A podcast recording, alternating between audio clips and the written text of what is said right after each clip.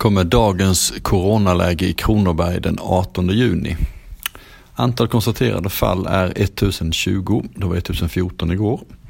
Antal inlagda är 23, det var 25 igår. Antal på IVA är 5, samma som igår. Numera är samtliga från Region Kronoberg. Vi har tidigare haft en från Region Jönköping, men den är inte med där längre. Antalet avlidna är 86, det var 85 igår. Lite nedgång i antalet inneliggande vilket är skönt. Jag var lite orolig efter några dagars sakta uppåtgående trend. Patienten från Jönköping som jag pratade om då som vi har vårdat på IVA några veckor har nu blivit bättre och är flyttad till vanlig avdelning. Så numera är alla fem IVA-patienterna från vårt län. Idag är det torsdag och vi har lite extra statistik att leverera och den kommer här. Av de 86 avlidna så har 40 avlidit på sjukhus och medelåldern på de 86 är 85 år.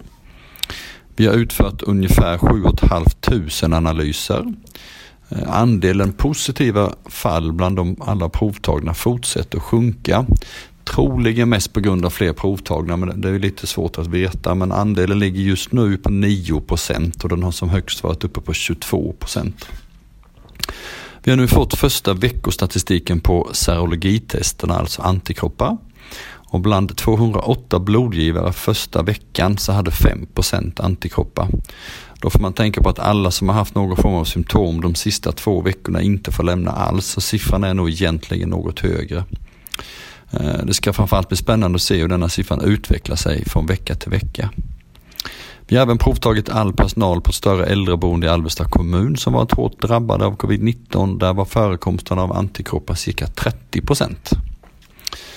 Eh, efter några dagar med provtagning av priogrupp 3 så ser vi att det finns ett ganska litet behov hittills. Det är medarbetare både inom det offentliga och det privata som provtas.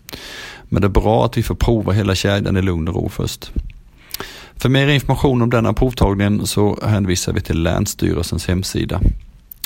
Sen kommer ett litet varningens ord. Vi ser att kommuner i landet som firade studenten tidigare nu har en ökad smittspridning bland ungdomar. Så jag har kvar min oro för vår utveckling framöver. Nu är det snart dags att fira midsommar. Glöm då inte bort avstånden. Dansa gärna men gör det med distans. Tack för idag.